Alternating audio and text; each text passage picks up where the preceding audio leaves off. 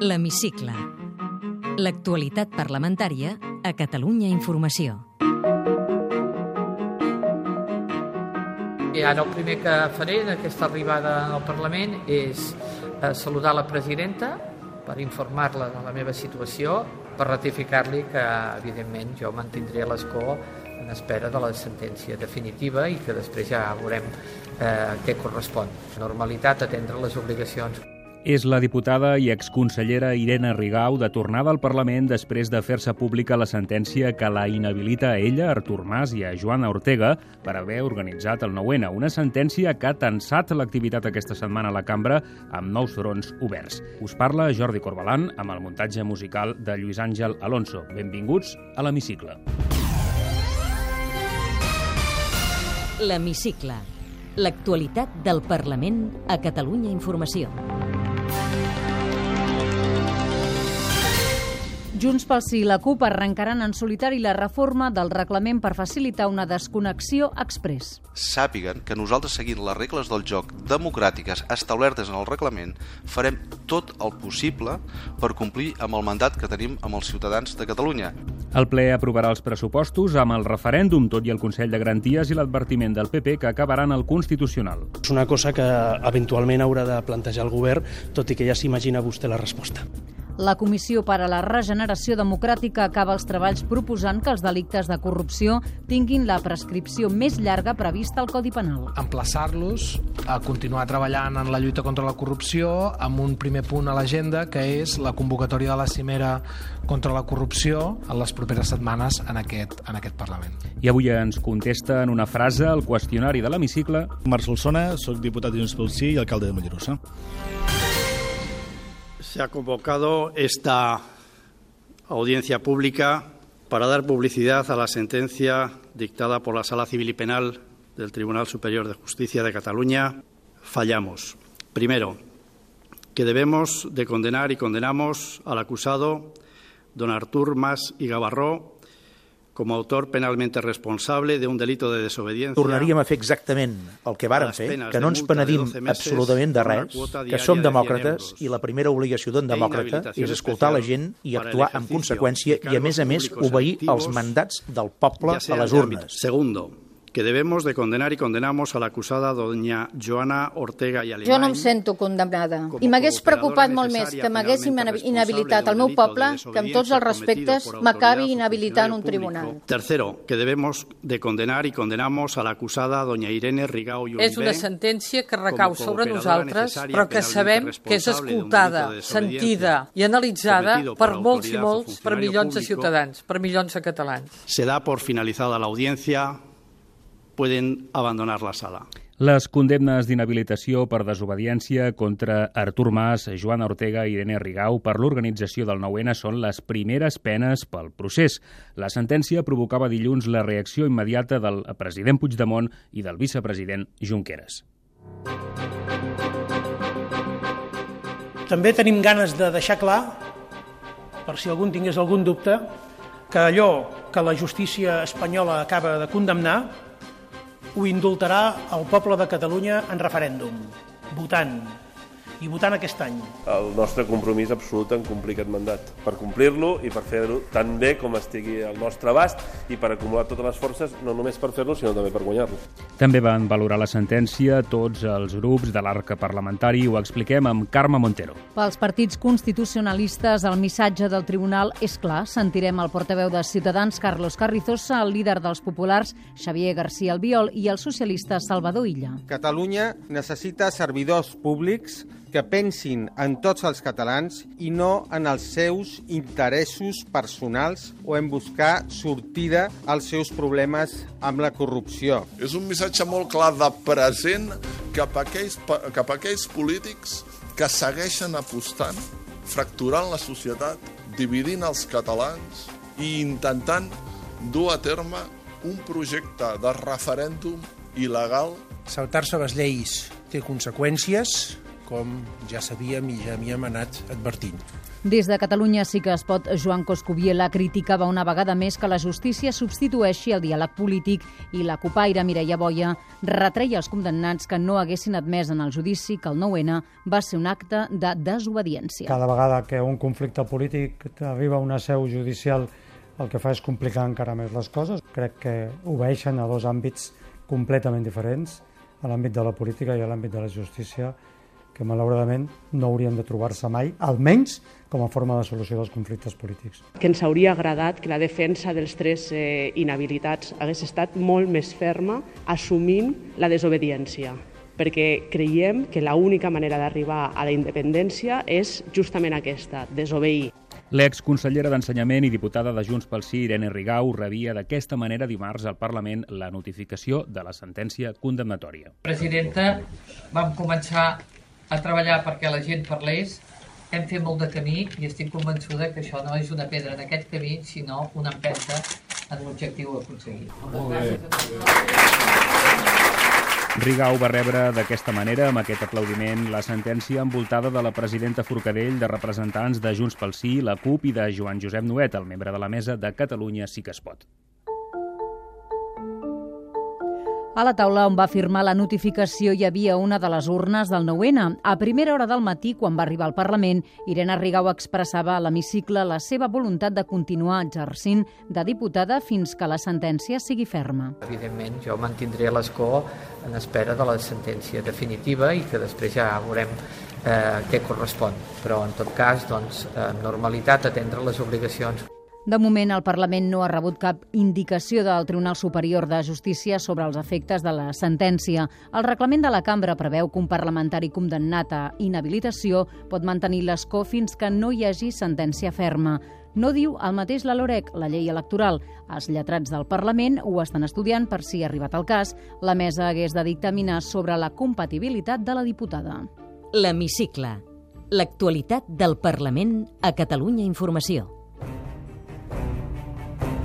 La sentència del 9-N ha tensat l'activitat política aquesta setmana al Parlament. La majoria de Junts pel Sí, la CUP, comença a tramitar en solitari la reforma del reglament que hauria de permetre l'aprovació expressa a la cambra de la llei de desconnexió.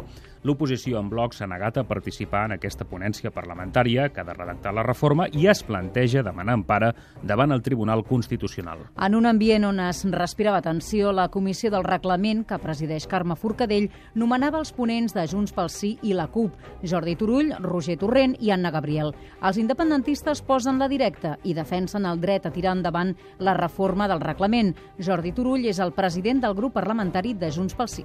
Vulneració dels drets és presentar una querella contra la presidenta del Parlament perquè deixa parlar i votar en els diputats. Vull apel·lar a la mesa que no sé si aquí eh, hi ha en el, en el règim, no sé si sancionador, però sí que vull posar de manifest que per part d'uns quants grups parlamentaris el que hi ha és deixadesa de les seves funcions. Turull va matisar després que no proposava sancionar l'oposició, però els grups consideren vulnerats els seus drets. Ciutadans i el Partit Popular es plantegen demanar empara al Constitucional, com ja van fer amb les ponències de les lleis de desconnexió. Tot seguit sentirem José María Espejo, de Ciutadans, el socialista David Pérez, Joan Coscubiela, de Sí que es pot, i el popular Santi Rodríguez. Nos planteamos eso, y más aún cuando desde el grupo de Junts pel Sí se pide expresamente que se apliquen sanciones a aquellos que no quieren participar de su iniciativa de reforma del reglamento. Nos parece tremendo. No és ridícul, no és insensat. Simplement t'adona una idea de per on alguns volen portar aquest país. I Turull, dona por. Les regles del joc no es poden canviar a meitat del partit per una part dels que juguen. Si no hi ha un mínim consens ni tan sols per la necessitat de fer aquest reglament, crec que és forçar massa la màquina. Considerem que si vostès pretenen obligar-nos a participar d'una iniciativa legislativa que és seva i no nostra, considerem que els nostres drets estan sent vulnerats. Els va replicar la copaire Mireia Boia. Aquests grans defensors dels drets també defensessin altres drets com eh, el de tenir una vivenda, el de tenir una vida digna i tots aquells que tenen eh, recollits en la seva Constitució i que es passen per, eh, no voldria ser eh, grollera, però tots ja sabem per on se'ls passen. Catalunya sí que es pot ja ha presentat una proposició de llei per donar garanties que les lleis que s'acabin aprovant per lectura única podran comptar igualment amb el dictamen del Consell de Garanties Estatutàries si així ho demana el Parlament. L'altre front que s'ha obert aquesta setmana és el dels pressupostos de la Generalitat que s'han d'aprovar en el ple de la setmana que ve amb el compromís de fer el referèndum malgrat el dictamen contrari del Consell de Garanties Estatutàries. La mesa del Parlament validava aquest dijous les esmenes que refermen la consulta i desestimava les peticions de l'oposició perquè es retiressin. El debat i la votació dels pressupostos prevista per dimarts i dimecres s'espera moguda. Ciutadans alerta que avisarà la mesa del Parlament que incorreran una il·legalitat si permet la votació de les esmenes persones que mantenen el compromís polític del referèndum i el Partit Popular avisa que, si s'acaba aprovant, tot plegat acabarà al Tribunal Constitucional. Sentim el popular Alejandro Fernández, Carlos Carrizosa, de Ciutadans, la socialista Eva Granados i Joan Coscubiela, de Catalunya Sí que es pot. Això és una cosa que eventualment haurà de plantejar el govern, tot i que ja s'imagina vostè la resposta. Considerem que no s'haurien de, de poder votar conforme a la doctrina reiterada del Tribunal Constitucional. És un tema eh, clar en el que el Consell de Garanties Estatutàries diu que no es pot fer aquesta reserva. Si s'aprovés l'esmena de Junts pel Sí, ens trobaríem en què el Parlament aprova una disposició addicional que amb el seu paràgraf diu una cosa i amb el segon paràgraf diu exactament la contrària. Tots aquests advertiments, el Parlament previsiblement acabarà aprovant els pressupostos amb el compromís del referèndum. Tot apunta que, tal com vol la CUP, es ratificarà el text que va tombar el Consell de Garanties, esborrant la referència a fer el referèndum d'acord amb la legislació vigent en el moment que es convoqui. Des de Junts pel Sí, Roger Torrent no hi veu cap contradicció. Òbviament no contradiu res, al contrari, no només no contradiu el dictamen del Consell de Garanties Estatutàries, sinó que recull explícitament els fonaments d'aquest dictamen. Les esmenes de Junts pel Sí i de Catalunya sí que es pot, que inclouen la via pactada, tot fa pensar que no prosperaran perquè ara com ara aquests dos grups no es votaran entre si i, per tant, no sumaran prou majoria. L'Hemicicle. El Parlament a Catalunya Informació. El Parlament proposa que els delictes econòmics per corrupció tinguin la prescripció més llarga que prevegui el Codi Penal. La Comissió d'Estudi del Parlament de les Mesures de Lluita contra la Corrupció ha acabat aquesta setmana els treballs després d'ajornar tres vegades la votació de les conclusions. Sí, Jordi, entre aquestes conclusions també es proposa que es limitin o s'eliminin els aforaments als polítics investigats per corrupció. La cambra aconsella tipificar com a delicte específic el finançament irregular de partits i que s'inclogui la responsabilitat responsabilitat penal de les formacions i els sindicats. També planteja reduir a la meitat el límit de despesa de les campanyes electorals. Tot i valorar les propostes, des de l'Observatori Ciutadà contra la Corrupció, Carles Marc Cosialls instava els partits a atacar la corrupció des de l'arrel. Abordem el tema del finançament, mm, perquè és que si no estarem posant eh, forat, estarem tapant forats, estarem posant tirites i no és això. I si el problema és el finançament, abordem-lo. I si s'ha de fer una comissió d'estudi, que es faci una comissió d'estudi. Però és que si no anirem tapant forats i no ho resoldrem mai. El president de la comissió, Benet Salelles, va explicar que traslladarà les conclusions a la mesa perquè valori si les ha de ratificar el ple i va anunciar per aquesta primavera una cimera contra la corrupció al Parlament. L'expresident Artur Mas compareixerà al Parlament el dia 29 d'aquest mes pel cas Palau i el 3%. Ciutadans que té la presidència de la comissió on Mas ha de donar explicacions ha proposat aquesta data, tot i que la mateixa oposició havia exigit explicacions immediates. El portaveu de Ciutadans, Fernando de Páramo, justificava que Mas comparegui a la pròxima reunió ordinària de la Comissió d'Afers Institucionals després que des de Junts pel Sí, Roger Torrent, els acusés d'utilitzar el Parlament de manera partidista. Quan es convoca la propera CAI és el dimecres 29. Nosaltres creiem que és una bona data el dimecres 29, perquè portem des de l'any 2009 parlant del cas Palau. Si l'expresident Mas no ve demà al Parlament a donar explicacions tal i com s'ha ofert a fer, no és per la seva pròpia voluntat, sinó que és per la voluntat del president de la Comissió d'Afers Institucionals, que no ha volgut de cap manera que el president Mas comparegués demà mateix. L'Hemicicle. El Parlament a Catalunya Informació. Aquesta setmana al Parlament han passat més coses. Hem sabut que el Parlament no denunciarà Alicia Sánchez Camacho tal com havia demanat la CUP per haver faltat a la veritat a la cambra quan va compareixer per explicar el dinar de la Camarga. Un informe dels serveis jurídics del Parlament, al qual hem tingut accés, ha assenyalat que no hi ha dades fàctiques ni indicis que permetin acreditar un delicte de fals testimoni quan ara fa dos anys Sánchez Camacho va compareixer davant la Comissió d'Investigació sobre el frau i l'evasió fiscal.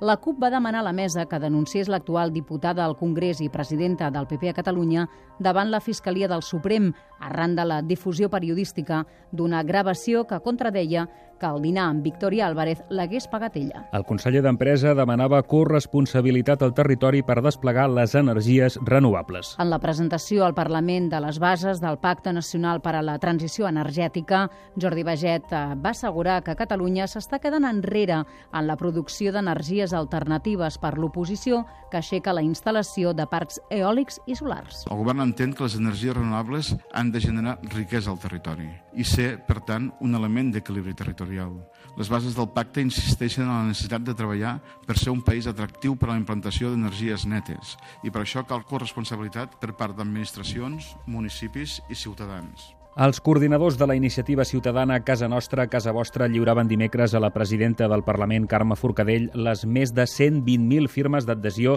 al manifest en favor de l'acollida de refugiats a Catalunya. Els promotors de la multitudinària manifestació a Barcelona el 18 de febrer asseguren que continuaran fent pressió fins al 30 de setembre, data límit que el govern espanyol va marcar-se per acollir els refugiats. Sentim Rubén Wagensberg, un dels impulsors de la campanya Casa Nostra, Casa Vostra. Però per altra banda seguim preocupats perquè des de les institucions sembla que no s'està movent fitxes i hi ha hagut un alentiment aquestes darreres setmanes en l'arribada de les persones refugiades i per tant la, des de casa nostra, casa vostra continuarem exercint mobilització i pressió per tal d'aconseguir l'arribada de totes aquestes persones.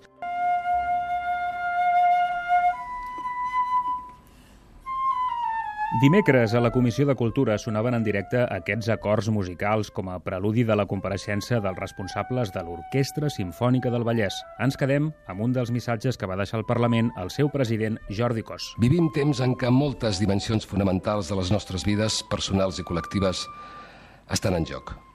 No podem seguir com si res, però tampoc paralitzar-nos i pensar que ho podem començar tot de zero. Cal seguir tocant, però podem canviar la manera com fins ara hem tocat la música i hem tocat el món. L'Orquestra Simfònica del Vallès ens convida amb la continuïtat del seu treball a compartir aquest repte. Té la paraula. Hola, sóc Marc Solsona, sóc diputat de Junts pel Sí i alcalde de Mollerussa. En una frase. Què n'espera d'aquest curs polític al Parlament? Bueno, espero doncs, acabar de culminar el que ens vam proposar com vam entrar, que és portar el país a les portes de la independència, vol dir poder votar. Això vol dir referèndum o referèndum? Això vol dir referèndum o referèndum. Vostè, que coneix bé el president Puigdemont, el veu determinat a arribar fins al final? Molt determinat. De fet, una, un dels actius és, és, és el fet de que hagi dit de que, de que ell ja no vol tornar a ser candidat. Això vol dir que va per totes i que està sense que ningú li pugui treure mai cap peatge tàctic a l'hora de poder desenvolupar el seu objectiu. Jo ho trobo determinat moltíssim. Com faran net amb la corrupció? Jo considero que el partit que jo milito, que és el, que és el PDeCAT, està net de corrupció i a partir d'aquí el que hagi passat en el passat doncs els jutjats determinaran i es farà i s'ha de fer net tolerància zero. Vostè ens ho ha dit, és alcalde de Mollerussa també, ha estat diputat al Congrés i ara també és diputat al Parlament. Si el fessin triar, amb què es quedaria? Diputat al Parlament de Catalunya. Són dues dimensions diferents de fer política i, i, i d'entorn, eh? però el meu mar mental està a Catalunya, per tant em sento molt més còmode parlant de política catalana i treballant per al meu país. Quina llei social li agradaria més aprovar aquesta legislatura? De fet, ja n'hem aprovat una de molt important que l'he portat jo, que és el tema de la, la llei de mesures urgents sobre habitatge d'emergència residencial i habitacional. Em sembla que és un dels temes claus de cara, de cara del present, però sobretot del futur.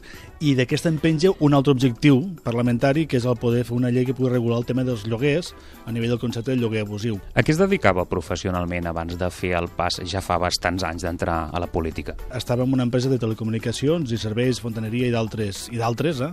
fent de coordinador i gestió, de, gestió i control. Digui'ns un referent polític. El president Puigdemont és el referent actualment que, que guia una miqueta el que seria la manera de fer, de ser, i que encarna aquesta manera de fer política, diguem-ne, desacomplexada, valenta, determinada i parlant molt clar. Recorda què volia ser quan era petit? Sí, arquitecte.